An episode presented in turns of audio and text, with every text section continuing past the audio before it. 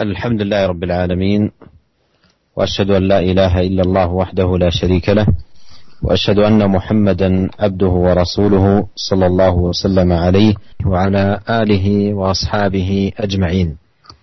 أما بعد أورد الإمام النووي رحمه الله تعالى في كتاب أو في باب اليقين والتوكل من كتابه رياض الصالحين حديث أبي عمارة البراء بن عازب رضي الله عنه قال قال رسول الله صلى الله عليه وسلم يا فلان إذا أويت إلى فراشك فقل اللهم أسلمت نفسي إليك ووجهت وجهي إليك وفوضت أمري إليك وألجأت ظهري إليك رغبة ورهبة إليك لا ملجأ ولا منجأ منك إلا إليك. آمنت بكتابك الذي أنزلت ونبيك الذي أرسلت فإنك إن مت من ليلتك مت على الفطرة وإن أصبحت أصبت خيرا متفق عليه. وفي رواية في الصحيحين عن البراء قال قال لي رسول الله صلى الله عليه وسلم إذا أتيت مضجعك فتوضأ وضوءك للصلاة ثم اضطجع على شقك الأيمن وقل وذكر نحوه ثم قال واجعلهن آخر ما تقول.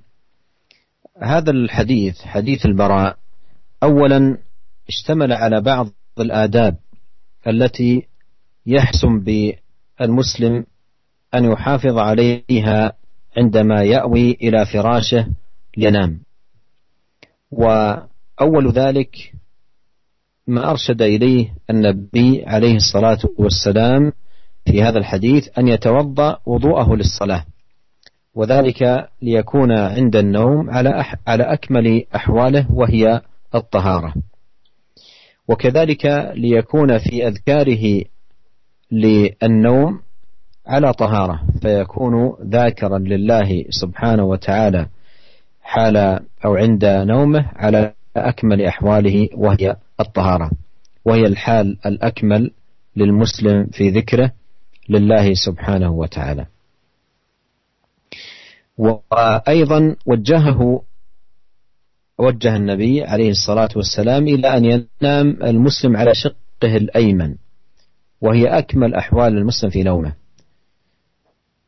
ثم أرشده إلى هذه المناجاة العظيمة التي هي دعاء وسؤال وإقبال على الله سبحانه وتعالى وتوسلات عظيمات مباركات. وعندما نتأمل هذه الدعوات نجد أنها اشتملت على معاني جليلة ومقاصد عظيمة. يحسن بالمسلم عندما يدعو بهذا الدعاء أن يكون مستحضرا لهذه المعاني والمقاصد التي اشتمل عليها هذا الدعاء. بدأه بقوله اللهم إني أسلمت نفسي إليك.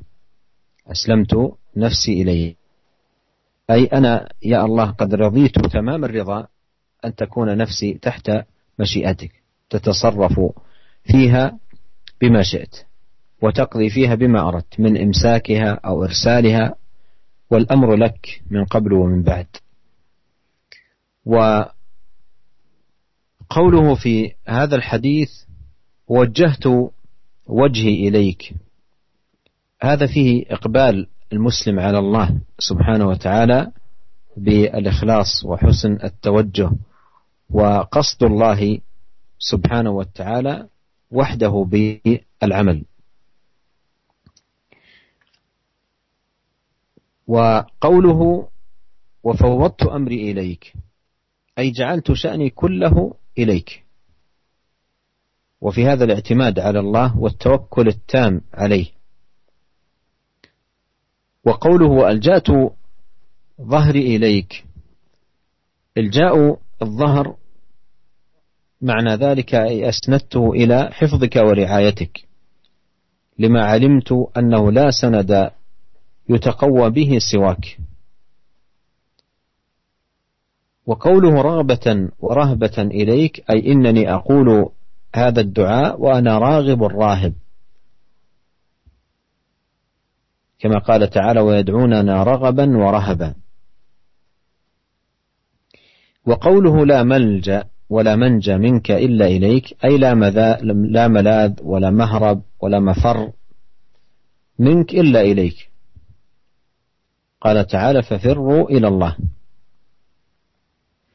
وقول آمنت بكتابك الذي أنزلت وبنبيك الذي أرسلت أي آمنت بهذا الكتاب العظيم القرآن الذي لا يأتيه الباطل من بين يديه ولا من خلفه. وكذلكم آمنت بهذا النبي العظيم الذي أرسلته رحمة للعالمين بشيرا ونذيرا وداعيا إلى الله بإذنه وسراجا منيرا. ثم أخبر عليه الصلاة والسلام أن من أتى بهذا الدعاء ومات عليه مات على الفطرة أي على الإسلام. فالإسلام هو دين الفطرة. وأنه إن أصبح أصاب خيرا أي إن لم يمت من ليلته وأصاب الصباح أدرك الصباح أصاب في الصباح خيرا عظيما. وهذا يدل على فضل هذا الدعاء العظيم. وقوله في تمامه واجعلهن آخر ما تقول واجعلهن آخر ما تقول فيه استحباب أن تكون هذه الدعوة آخر الدعوات والأذكار التي يقولها المسلم عند نومه.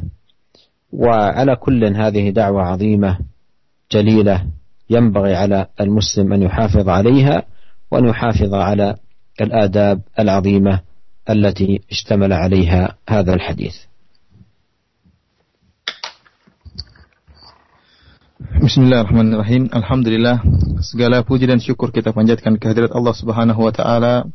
Salawat dan salam semoga senantiasa tercurahkan kepada suri teladan kita, junjungan kita Nabi Muhammad sallallahu alaihi wasallam dan juga keluarga beliau serta seluruh sahabat beliau tanpa terkecuali. Para pendengar yang dirahmati oleh Allah Subhanahu wa taala, kita masih bersama Al Imam Nawawi rahimahullah dalam kitabnya Riyadhus Shalihin dalam bab al-yaqin dan tawakal. Uh, beliau rahimahullah membawakan suatu hadis dari Abi Umarah Al-Bara bin Azib radhiyallahu taala anhu. Al-Bara bin Azib radhiyallahu taala anhu berkata, qala Rasulullah sallallahu alaihi wasallam, bahwasanya Rasulullah sallallahu alaihi wasallam bersabda, "Wahai fulan, jika engkau hendak tidur, jika engkau hendak berbaring di tempat tidurmu, maka ucapkanlah, Allahumma aslamtu nafsi ilaik. Ya Allah, aku menyerahkan diriku kepadamu. Wajahtu wajhi ilaik, dan aku arahkan wajahku kepadamu. Wa fawwadtu amri ilaik, dan aku serahkan segala urusanku kepadamu. Wa alja'tu dhahri ilaik, dan aku sandarkan punggungku kepada Rokbatan wa rahbatan ilaik, karena berharap dan karena takut padamu. La malja'a wa la manja minka ilaik. Tidak ada tempat untuk uh, berlindung kecuali kepadamu. Amantu bi kitabika alladhi anzalt. Aku beriman kepada kitabmu yang engkau turunkan. Wa nabiyyika alladhi arsalt. Dan aku beriman kepada nabimu yang engkau utus. Fa innaka in mitta min lailatika mitta alal fitrah. Kemudian kata Nabi SAW, sungguhnya jika engkau meninggal dunia, tatkala tertidur, maka engkau akan meninggal di atas fitrah. Wa in asbahta asabta khairan dan jika engkau uh, hidup sampai besok pagi maka engkau akan mendapatkan kebaikan. Hadis ini hadis yang diriwayatkan oleh Al-Imam Al-Bukhari dan Al-Imam Muslim. Dalam riwayat yang lain dari Al-Bara' juga beliau berkata, "Qala li Rasulullah sallallahu alaihi wasallam" Rasulullah SAW berkata kepadaku, "Idza ataita madja'aka fatawadda wudu'aka lis-salat." Jika engkau hendak tidur, maka hendaklah engkau berwudu sebagaimana engkau berwudu untuk salat. Thumma taji' ala ala ayman wa qul kemudian hendaknya engkau berbaring di atas lambungmu yang kanan, kemudian engkau berkata yaitu doa yang tadi yang telah disebutkan. Thumma qal kemudian Nabi SAW berkata waj'alhunna akhir ma taqul dan jadikanlah zikir ini jadikanlah doa ini adalah doa yang terakhir engkau ucapkan. Para pendengar yang dirahmati oleh Allah Subhanahu wa taala, Hadis ini mencakup beberapa adab yang hendaknya dilakukan oleh seorang muslim tatkala hendak berbaring di tempat tidurnya, tatkala hendak tidur. Ya. Yang pertama adalah hendaknya dia berwudu sebelum tidur hendaknya dia berwudu sebagaimana dia hendak sholat. Jadi wudu seperti wudu biasa seakan-akan dia hendak melaksanakan sholat. Karena ini merupakan kondisi yang terbaik. Terutama dia akan tidur dan juga merupakan kondisi yang terbaik untuk berzikir kepada Allah Subhanahu wa taala karena dia akan mengucapkan doa sebelum tidur. Kemudian adab yang kedua yaitu seorang muslim hendaknya tidur di atas lambung yang kanan. Dan ini merupakan adalah kondisi yang terbaik bagi seorang yang hendak uh, tidur. Dan yang ketiga, sebelum dia tidur hendaknya dia bermunajat kepada Allah Subhanahu wa taala, bertawassul kepada Allah Subhanahu wa taala dengan doa yang penuh keberkahan ini. Ya, yang doa ini mencakup makna-makna yang sangat indah, yang sangat mulia. Ya, hendaknya seorang muslim tatkala mengucapkan doa ini, dia menghadirkan, menghayati kandungan makna dari doa-doa tersebut. Oleh karenanya pada kesempatan kali ini kita akan menjelaskan tentang isi makna dari doa ini secara ringkas. Doa tersebut adalah Allahumma aslamtu nafsi ilaik. Ya Allah, sungguhnya aku menyerahkan diriku kepadamu. Artinya kita berkata kepada Allah, Ya Allah, sungguh aku telah ridha dengan penuh keridhaan, dengan sempurna keridhaan untuk menyerahkan segala, menyerahkan diriku, ya, jiwaku di bawah kekuasaanmu, di bawah kehendakmu. Engkau melakukan apa saja terhadap diriku, aku pasrah dan aku ridha dengan segala keputusanmu. Jadi ini makna dari kalimat aslam tu nafsi ilaik. Aku serahkan diriku, jiwaku di bawah kekuasaanmu, di bawah kehendakmu. Engkau melakukan apa saja terhadap diriku, aku ridha kepada hal tersebut. Kemudian wajah tu ilaik. Aku arahkan wajahku kepada engkau. Artinya yaitu, ya Allah aku ikhlas kepada engkau ya Allah. Ya. Aku benar-benar bertawajuh mengarah kepada engkau ya Allah. Segala maksudku, segala tujuanku hanya karena engkau ya Allah. Azza wa Jalla. Kemudian wa fawwadtu amri ilaik dan aku segera serahkan pasrahkan urusanku kepadamu yaitu ya Allah aku jadikan segala perkaraku segala urusanku ya aku serahkan kepada engkau. Aku bertawakal kepada engkau dengan ketawakal yang uh, penuh hanya kepada engkau subhanahu wa taala. Kemudian wa alja'tu dhahri ilaik. Dan aku sandarkan punggungku atau aku sandarkan uh, zaharku punggungku kepada engkau. Artinya apa? Ya Allah ya aku serahkan urusanku ya kepada di bawah kekuatanmu. Karena tidak ada sandaran kecuali sandaranmu. Tidak ada kekuatan kecuali kekuatanmu ragbatan wa rahbatan ilaik. Ya artinya eh, aku mengucapkan hal ini ya Allah. Aku berdoa kepada engkau dengan penuh harapan dan penuh ketakutan kepada engkau. Sebagaimana firman Allah Subhanahu wa taala wa yad'unana raghaban wa rahaban. Dan mereka berdoa kepada kami dengan penuh raghbah dan rahbah. Menggabungkan antara pengharapan dan rasa takut kepada Allah Subhanahu wa taala. La malja'a wa la manja minka illa ilai. Sungguhnya tidak ada tempat berlindung, tidak ada tempat bersandar kecuali kepada Engkau ya Allah. Sebagaimana firman Allah Subhanahu wa taala, "Fafirru ila Allah." Maka hendaknya kalian berlari menuju Allah Subhanahu wa taala. Karena hanya Allah, hanya Allah sajalah tempat berlindung dan tempat bersandar, ya. Hanya kepada Allah dan tempat uh, keselamatan hanya kepada Allah Subhanahu wa taala. Amantu bi kitabika alladhi anzalt. Aku beriman kepada kitabmu yang engkau turunkan yaitu Al-Kitabul Azim, Al-Qur'anul Karim yang tidak ada kebatilan yang datang dari dalam Al-Qur'an baik dari depan maupun dari belakang. Seluruhnya adalah kebenaran.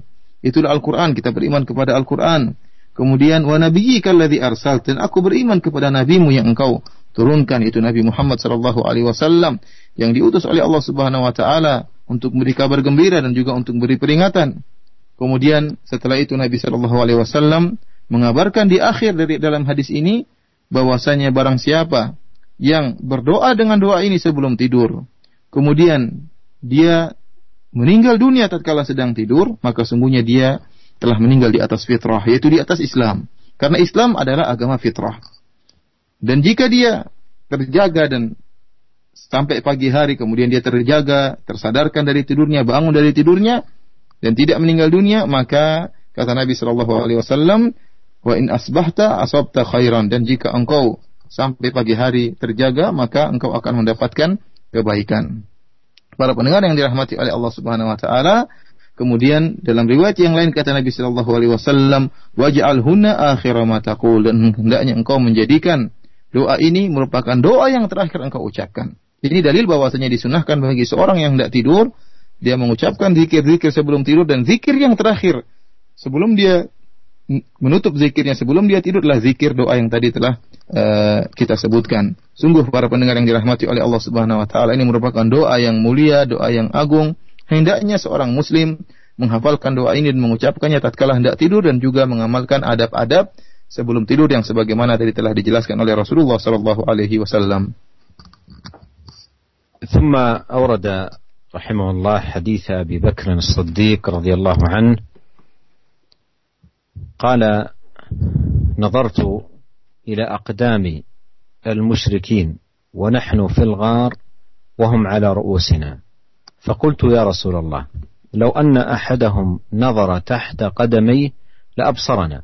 فقال ما ظنك يا أبا بكر باثنين؟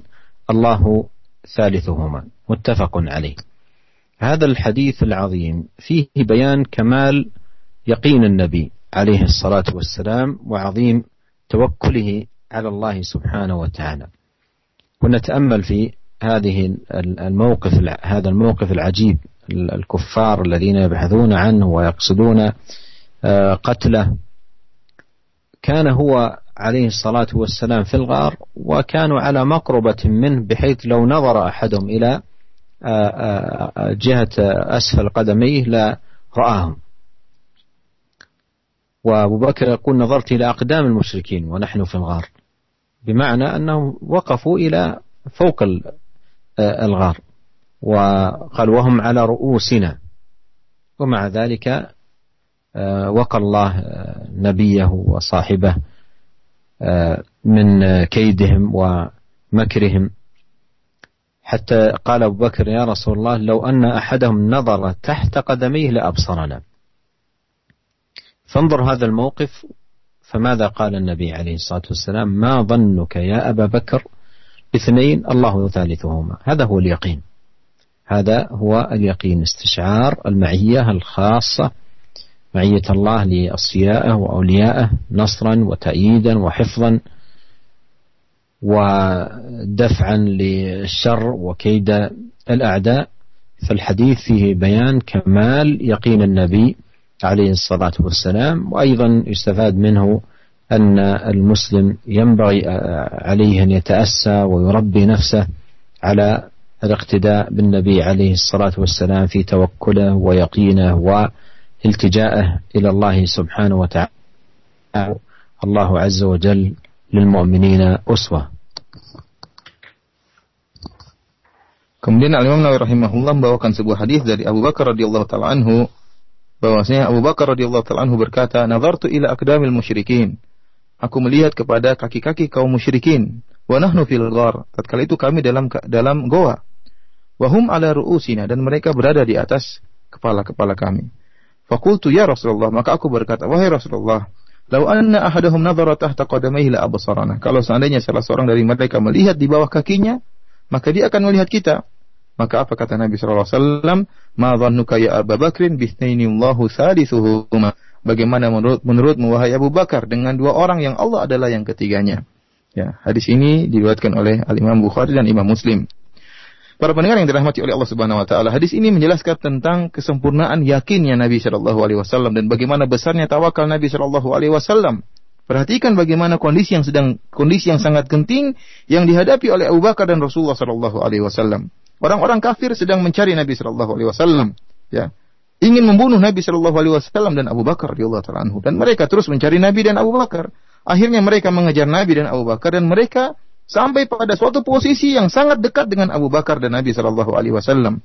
Sampai-sampai Abu Bakar radhiyallahu taala anhu berkata, ya, e, aku melihat kepada kaki-kaki kaum musyrikin, yaitu menunjukkan bahwasanya posisi kaum musyrikin yaitu berada di atas goa. Jadi goanya berada di daerah bawah dan e, dekat mulut goa terdapat e, di situlah berdiri orang-orang musyrikin. Sebagaimana perkataan Abu Bakar, wahum ala ru'usina. Mereka berada di arah atas kepala kami ya. Jadi berada di atas. Sampai-sampai saking dekatnya mereka, sampai-sampai Abu Bakar mengatakan, kalau seandainya salah seorang dari mereka, dari pasukan kaum musyrikin tersebut, melihat ke arah kakinya, maka dia akan melihat kita.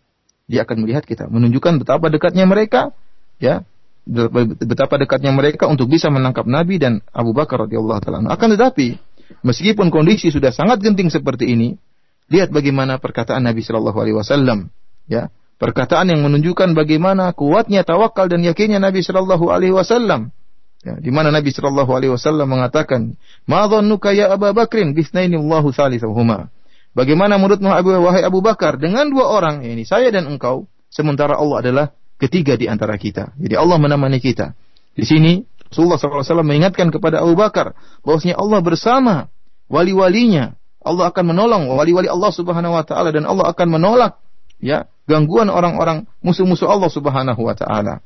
Oleh karenanya ini juga pelajaran bagi kita bahwasanya seorang muslim hendaknya mencontohi Nabi Shallallahu Alaihi Wasallam. Hendaknya berusaha mentarbiah dirinya, mendidik dirinya untuk senantiasa bertawakal kepada Allah Subhanahu Wa Taala. Yakin dengan janji Allah Subhanahu Wa Taala. Allah Subhanahu Wa Taala telah menjadikan Rasulullah Shallallahu Alaihi Wasallam sebagai toladan yang terbaik bagi umat ini.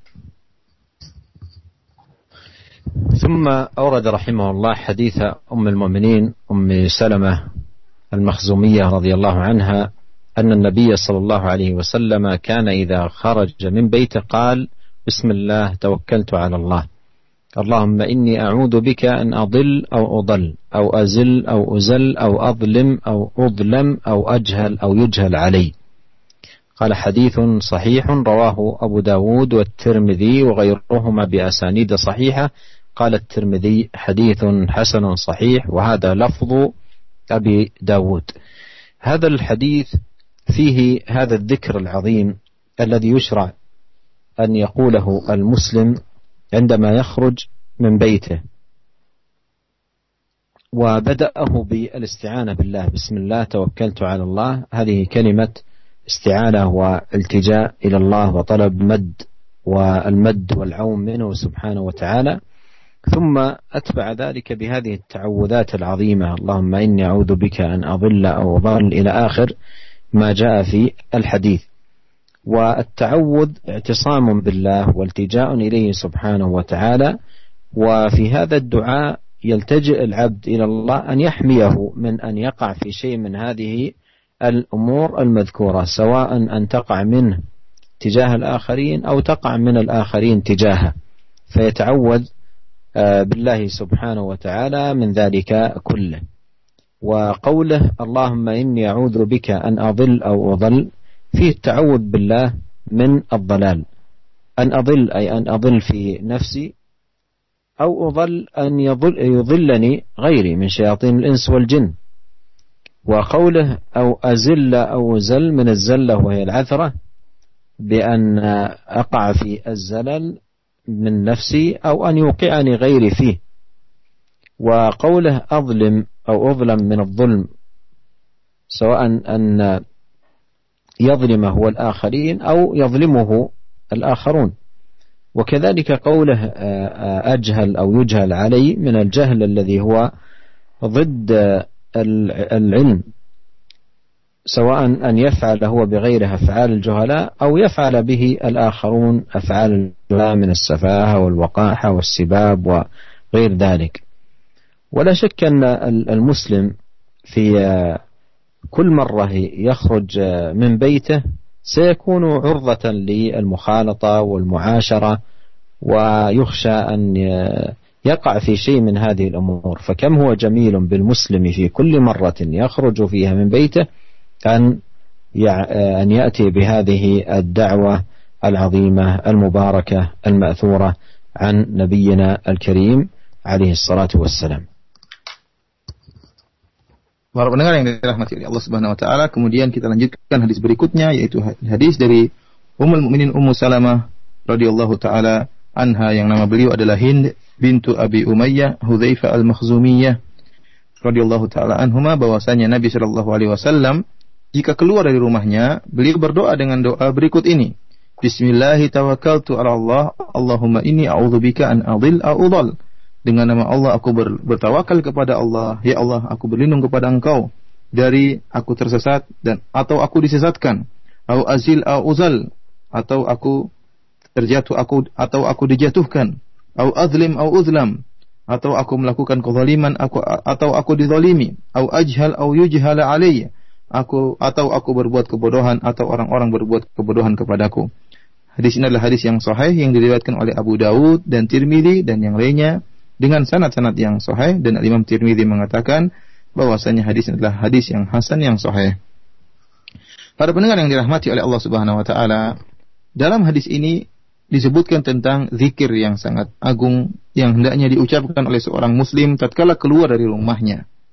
Doa yang diajarkan oleh Nabi Shallallahu alaihi wasallam. Di awal doa ini dimulai dengan kalimat isti'anah. Bismillahi. Ya, dengan nama Allah yaitu minta pertolongan dari Allah Subhanahu wa taala, menyerahkan urusan kepada Allah Subhanahu wa taala. Merupakan kalimat isti'anah. Bismillah adalah kalimat minta pertolongan kepada Allah Subhanahu wa taala. Kemudian setelah beristianah kepada Allah Subhanahu wa taala, baru kemudian diikuti dengan doa-doa yang tadi telah disebutkan. Yaitu a'udzu bika, ya Allah aku berlindung kepada Engkau dan ta'awudz ya adalah minta perlindungan kepada Allah Subhanahu wa taala agar jangan sampai dia terjerumus dari hal-hal yang dia tidak sukai. Allah Subhanahu wa taala menjaga dia dari perkara-perkara yang akan disebutkan dalam doa ini, ya, jangan sampai dia terjerumus dalam perkara-perkara tersebut baik dia yang melakukan kesalahan terhadap orang lain atau orang-orang lain yang melakukan kesalahan kepada dia. Mari kita perhatikan doa ini.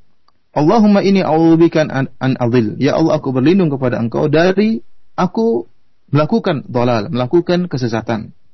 Au udal atau aku disesatkan oleh orang lain. Apakah aku terjerumus dalam kesesatan dengan sendirinya atau ada orang-orang ingin menyesatkan aku, maka aku berlindung kepada Engkau agar tidak terjerumus kepada dua-duanya au azil au uzal atau aku terjerumus dalam kesalahan ya terjatuh dalam kesalahan atau orang lain ya yang menjerumuskan aku dalam kesalahan au azlim au uzlam aku berlindung kepada engkau ya Allah jangan sampai aku mendolimi orang lain. Atau jangan sampai aku didolimi oleh orang lain. Au ajhal au yuja alayya dan aku berlindung kepada engkau ya Allah agar aku tidak melakukan kejahilan. Yaitu melakukan perbuatan orang-orang jahil sebagaimana perbuatan-perbuatan yang uh, menunjukkan seperti uh, menunjukkan akan kebodohan seperti mencaci maki, berteriak-teriak seperti orang jahil. Jangan sampai aku melakukan hal tersebut kepada orang lain dan jangan sampai orang lain pun melakukan kebodohan kepada diriku. Para pendengar yang dirahmati oleh Allah Subhanahu wa taala ya, ini merupakan doa yang sangat indah ya, yang hendaknya diucapkan oleh seorang muslim karena seorang muslim jika keluar dari rumahnya tentunya dia akan bertemu dengan masyarakat, dia akan berkumpul dengan masyarakat, dia akan bertemu dengan berbagai macam model orang. Ada orang yang mendolimi dia, ada orang yang ingin menyesatkan dia, atau dia pun terjerumus sehingga terpancing untuk mengganggu orang lain. Oleh karenanya sungguh indah jika dia mengucapkan doa ini setiap kali dia keluar dari rumahnya sehingga terjaga dari kesalahan-kesalahan yang disebutkan dalam doa ini. ثم أورد رحمه الله في الباب نفسه ذكر الخروج من المنزل حديث أنس رضي الله عنه قال قال رسول الله صلى الله عليه وسلم من قال يعني إذا خرج من بيته بسم الله توكلت على الله ولا حول ولا قوة إلا بالله. يقال له هديت وكفيت ووقيت وتنحى عنه الشيطان. رواه أبو داود والترمذي والنسائي وغيرهم وقال الترمذي حديث حسن زاد أبو داود فيقول يعني الشيطان لشيطان آخر كيف لك برجل قد هدي وكفي ووقي؟ هذا الحديث أيضا هو في باب اليقين وأن هذا الذكر عظيم جدا في في هذا الباب أن يقوله المسلم وهو على يقين بالله بأن يحقق له الهداية والكفاية والوقاية و أن يحقق أيضا العبد الاستعانة والالتجاء إلى الله سبحانه وتعالى. وقوله إذا خرج الرجل من بيته أي في كل مرة. يخرج فيها آه، من بيته. ومثل البيت المنازل التي ينزلها الإنسان في سفرة في فندق أو في آه، غرفة أو نحو ذلك إذا خرج منها يأتي بهذا الدعاء وقوله بسم الله هذه آه، كلمة استعانة أي أطلب العون من الله سبحانه وتعالى. وتوكلت على الله أي اعتمدت عليه وفوضت جميع آه، أموري إليه سبحانه وقول لا حول ولا قوة إلا بالله. هذه كلمة تفويض وتبرؤ من الحول والقوة إلا بالله سبحانه وتعالى. وقوله يقال حينئذ آه، أو يقال له هديت وكفيت ووقيت يجوز آه، أن يكون القائل هو الله أو أو أن يكون القائل ملك من الملائكة والله تعالى أعلم. وقوله هديت أي الطريق والحق والصواب. وكفيت أي ما أهمك من أمور الدنيا والآخرة. ووقيت أي حفظت من شر أعدائك من الشياطين وغيرهم. وقوله يتنحى عنه الشيطان أي يبتعد عنه آه، الشيطان. فيكون في آه، آه، عافية منه وحماية من كيده وشره. فهذه دعوة عظيمة وذكر مبارك يستحب للمسلم أن يقوله في كل مرة يخرج فيها من بيته مع اليقين والثقة بالله ليفوز بهذه الخيرات المذكورة في قوله هديت وكفيت ووقيت وأن الشيطان يتنحى عنه أي يبتعد عنه. Kemudian uh, Al-Imam Nawawi rahimahullah membawakan hadis yang masih dalam adab yang sama adab tatkala seorang keluar dari rumahnya dari Anas bin Malik radhiyallahu taala anhu beliau berkata bahwasanya Rasulullah sallallahu alaihi wasallam yakni jika keluar dari rumahnya beliau berdoa bismillahi tawakkaltu ala Allah wala haula wala quwata illa billah. Ya, itulah doa Nabi sallallahu alaihi wasallam ya dengan menyebut nama Allah aku bertawakal kepada Allah tidak ada daya dan upaya kecuali dari Allah Subhanahu wa taala. Maka dikatakan ya e, barang siapa yang keluar dari rumahnya dengan membaca doa ini kata Nabi sallallahu alaihi yuqalu maka dikatakan kepada orang yang baca doa ini hudita wa kufita wa qit.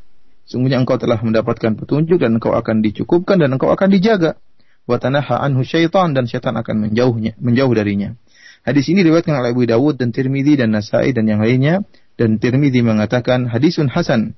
Dan dalam riwayat Abu Dawud ada tambahan Rasulullah SAW berkata, yakni syaitan yaqulu fayaqulu yakni syaitan li syaitanin akhar kaifa laka bi rajulin qad hudiya wa kufiya wa uqiya.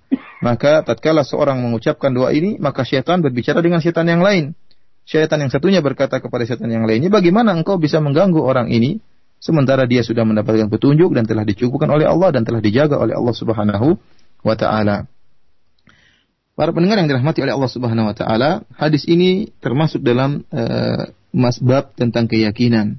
Ya, artinya seorang muslim tatkala keluar dari rumahnya kemudian mengucapkan doa ini dengan penuh keyakinan, ya, memohon kepada Allah Subhanahu wa taala agar mendapatkan memberikan kepadanya hidayah dan petunjuk dan juga penjagaan dari Allah Subhanahu wa taala jika dia ucapkan dengan keyakinan maka akan dikabulkan oleh Allah Subhanahu wa taala.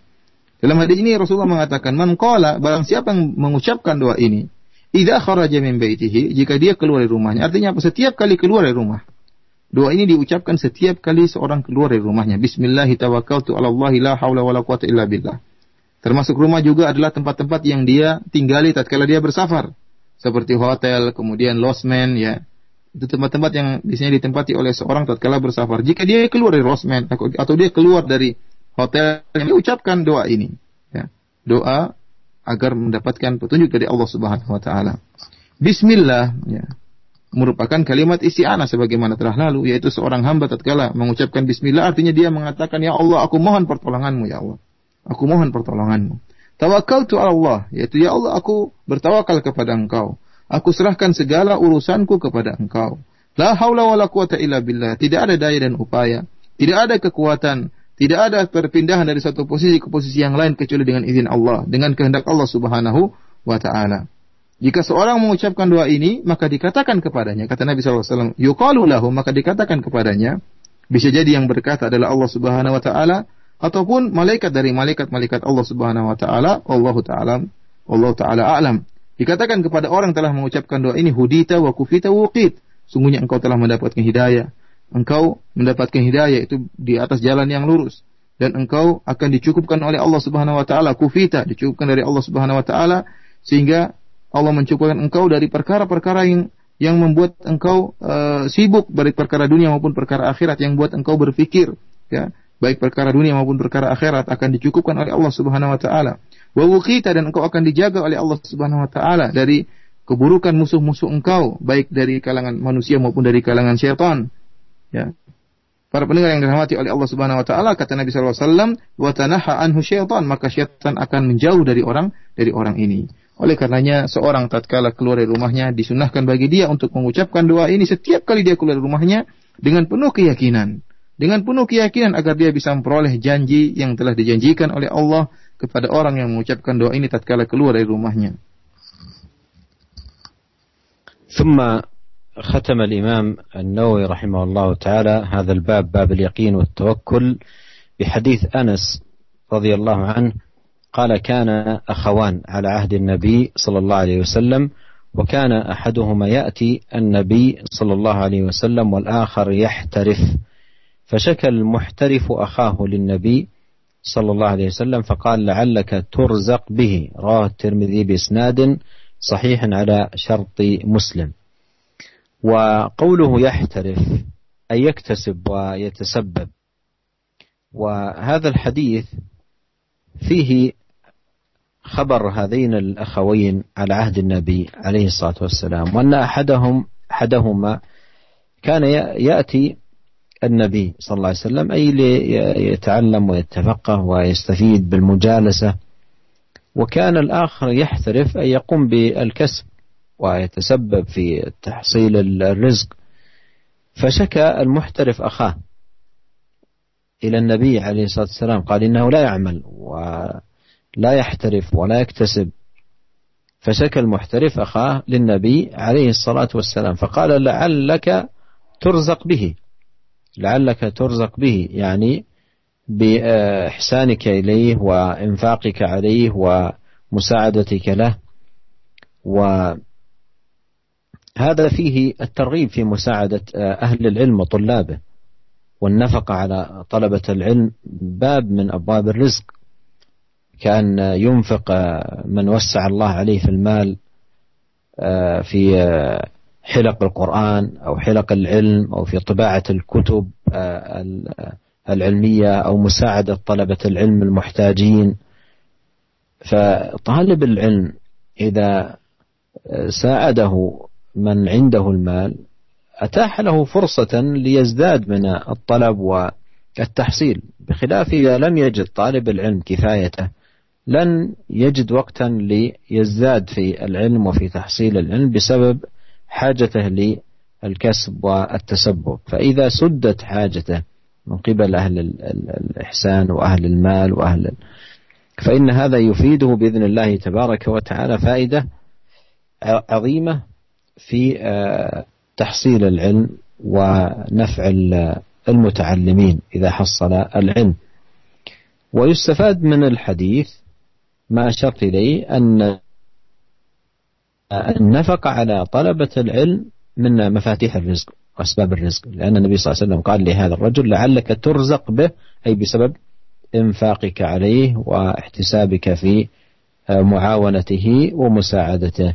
وبهذا يكون الإمام النووي رحمه الله ختم هذه الترجمة. نسأل الله الكريم أن ينفعنا جميعا بما علمنا وأن يزيدنا علما وأن يصلح لنا شأننا كله. إنه سميع الدعاء وهو أهل الرجاء وهو حسبنا ونعم الوكيل. Para pendengar yang dirahmati oleh Allah Subhanahu wa taala, kemudian Al Imam Nawawi rahimahullah menutup uh, bab tentang tawakal dan yakin. Dengan sebuah hadis dari Anas bin Malik radhiyallahu taala anhu bahwasanya beliau berkata dahulu ada dua orang di zaman Nabi Shallallahu alaihi wasallam dua orang bersaudara yang uh, salah satunya mendatangi Nabi Shallallahu alaihi wasallam yaitu untuk belajar dan menuntut ilmu kepada Nabi Shallallahu alaihi wasallam dan yang kedua bekerja. Maka uh, yang bekerja pun uh, mengeluhkan kepada Nabi Shallallahu alaihi wasallam tentang saudaranya yang tidak bekerja. Maka apa kata Nabi Shallallahu Alaihi Wasallam? La'allaka turzaqu bihi. Mungkin saja engkau mendapatkan rezeki karena sebab saudaramu ya, yang uh, engkau nafkahi tersebut. Hadis ini hadis yang diriwayatkan oleh Imam Tirmidzi dengan sanad yang sahih uh, sesuai dengan syarat Muslim. Para pendengar yang dirahmati oleh Allah Subhanahu wa taala, hadis ini menghabarkan tentang kondisi dua orang yang bersaudara.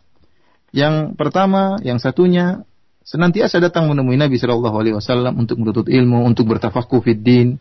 Sementara saudaranya yang kedua, ya sibuk bekerja, sibuk bekerja untuk memberi nafkah kepada saudaranya yang menuntut ilmu ini.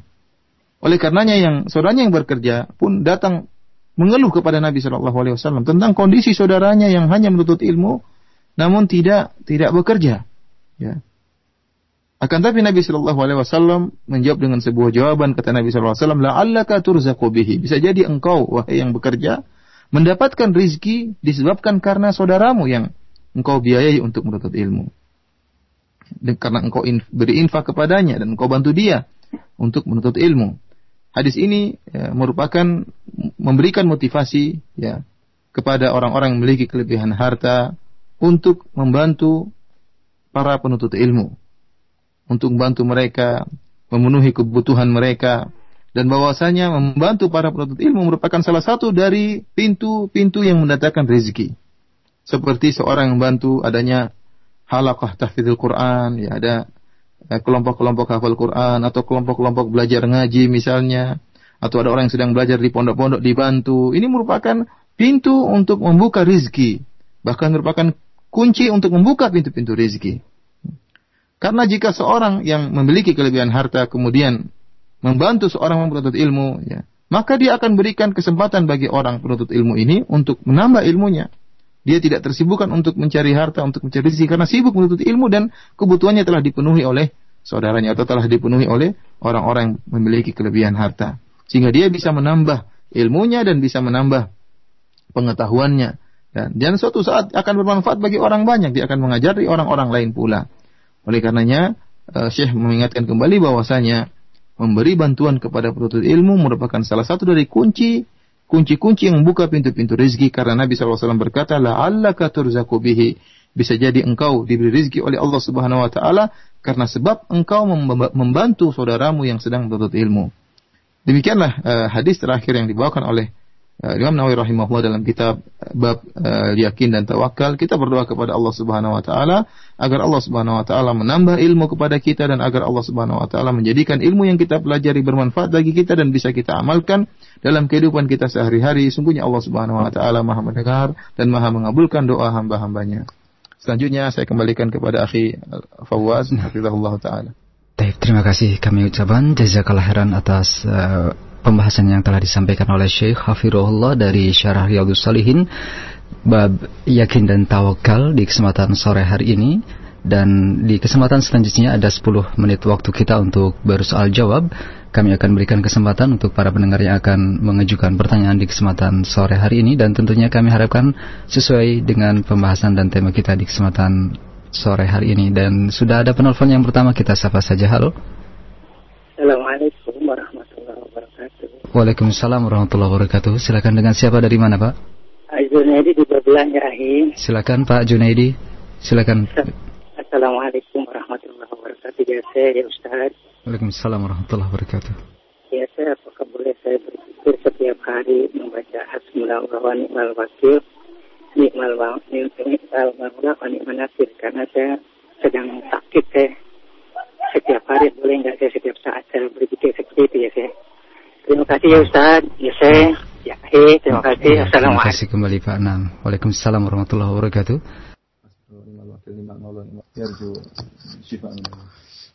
ورد في ما يتعلق بالمرض أدعية خاصة الأولى أن يكثر منها ولا سيما أن يقول اللهم رب الناس مذهب البأس اشفي أنت الشافي لا شفاء إلا شفاءك شفاء لا يغادر سقما وأيضا يقرأ الفاتحة على نفسه والمعوذات وآية الكرسي. هذه كلها رقى نافعة وعظيمة ومفيدة فيما يتعلق بالأمراض.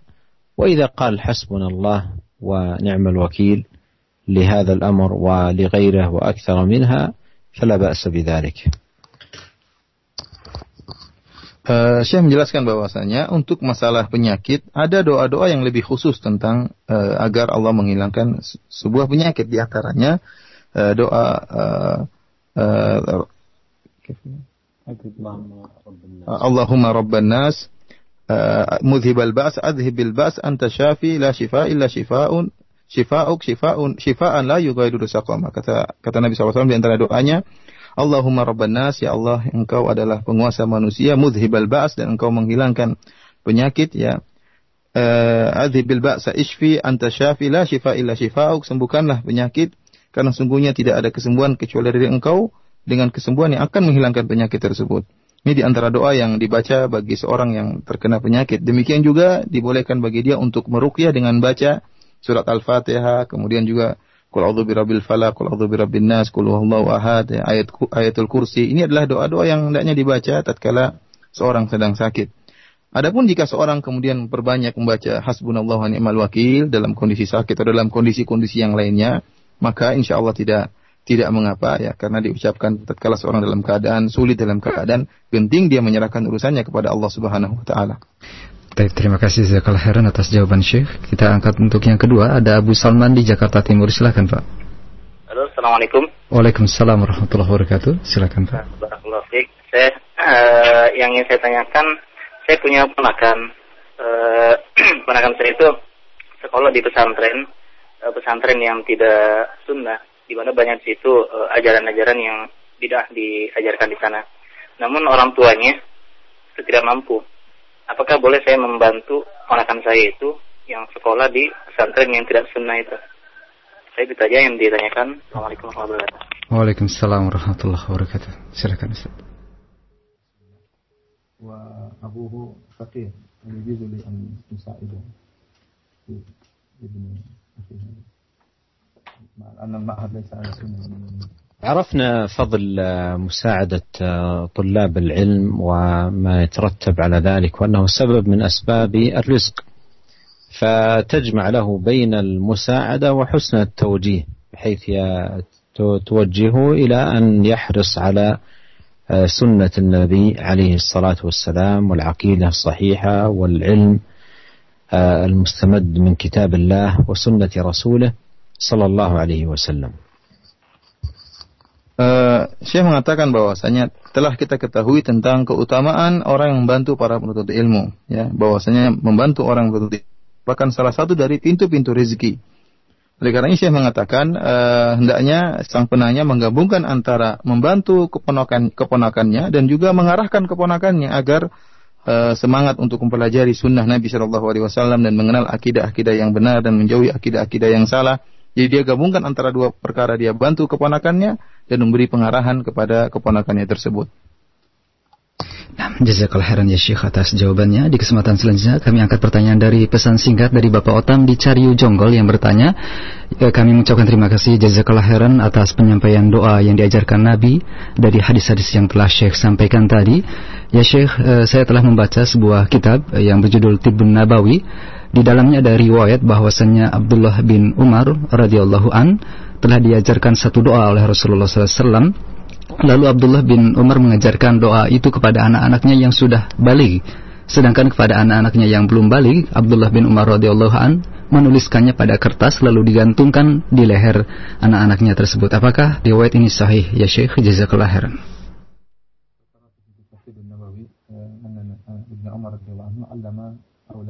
أولاده أولاده البالغين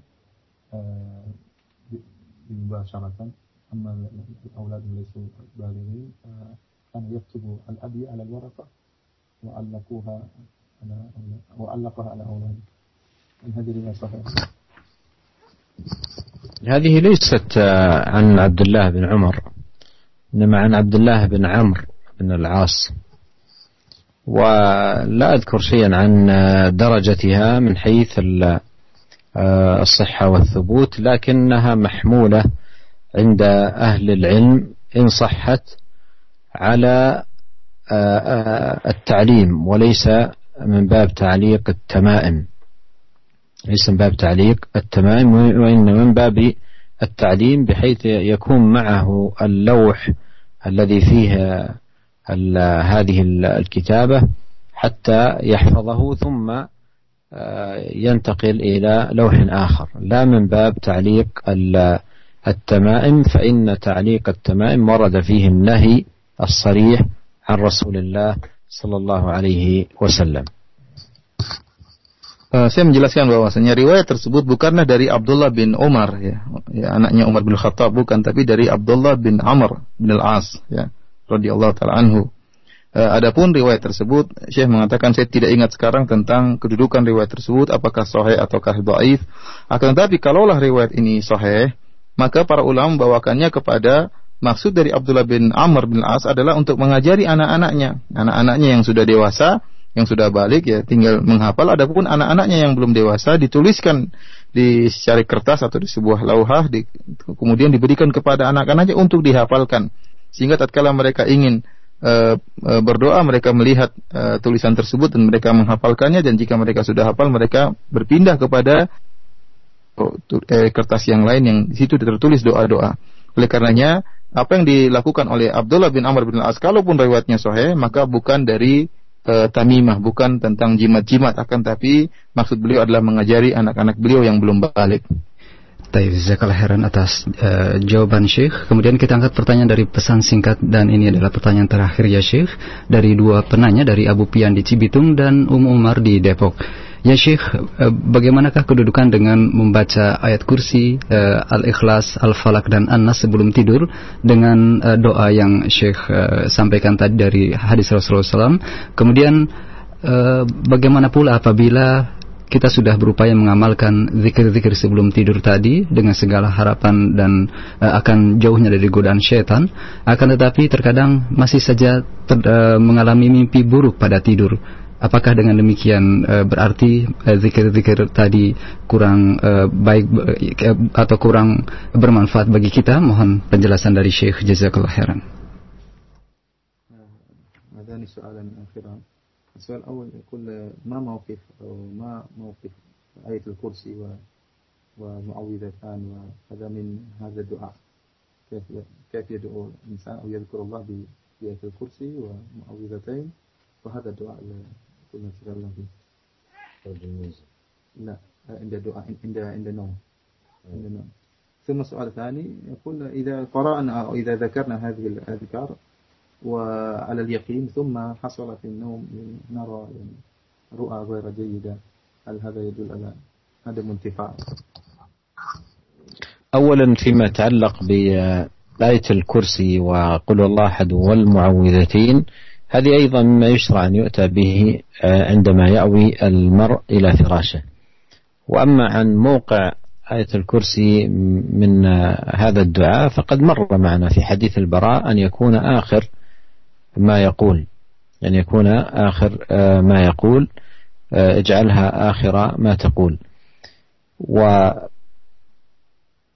أما أما إذا إذا إذا آه، حصل الإنسان في في منامه شيء فهذا من تفريطه. إما في الذكر نفسه لم يأتي به أو ضعف اليقين. أما من جاء بالذكر مستحضرا معناه موقنا بالله سبحانه وتعالى فالأمر كما قال عليه الصلاة والسلام لا يضره شيء حتى يصبح. ونسأل الله عز وجل لنا جميعا العلم النافع والعمل الصالح والتوفيق لما يحب ويرضاه والسلام عليكم ورحمة الله وبركاته. وعليكم السلام ورحمة الله وبركاته. جزاك الله خيرا يا شيخ. Uh, beliau menjelaskan bahwasanya adapun ayat kursi kemudian kul a'udzu birabbil falaq kul a'udzu birabbin nas kul itu juga dibaca tatkala seorang hendak tidur. Akan tapi uh, doa yang terakhir yang dibacakan adalah tadi yang kita telah bacakan. Aslam tu ilayya ilayya nafsi itu doa yang terakhir yang kita aslam tu nafsi ilaika wajah wajhi ilaik itu yang kita doa, baca terakhir tatkala hendak tidur. Jadi kita baca uh, ayat kursi kemudian qul a'udzu birabbil falaq qul a'udzu birabbin nas ahad. Sebelumnya baru kemudian kita baca doa doa tersebut adapun jika seorang telah berdoa telah berzikir kemudian masih saja uh, diganggu dalam tidurnya maka saya mengatakan bahwasanya mungkin bisa jadi uh, orang tertidur ke, kemudian tatkala dia tatkala dia baca doa yakinnya kurang penuh ya, kurang full, masih lemah keyakinannya. Adapun seorang tatkala membaca doa ini kemudian dengan penuh keyakinan dan penuh tawakal kepada Allah Subhanahu wa taala, maka dia tidak akan diberi kemudaratan sedikit pun oleh syaitan dan uh, dia akan uh, dijaga oleh Allah Subhanahu wa taala. Demikian saja para pendengar yang rahmati oleh Allah Subhanahu wa taala kajian kita pada kesempatan kali ini kita semoga Allah Subhanahu wa taala mudahkan kita untuk bersua di kesempatan yang lain. Wabillahi taufiq wal hidayah. Assalamualaikum warahmatullahi wabarakatuh.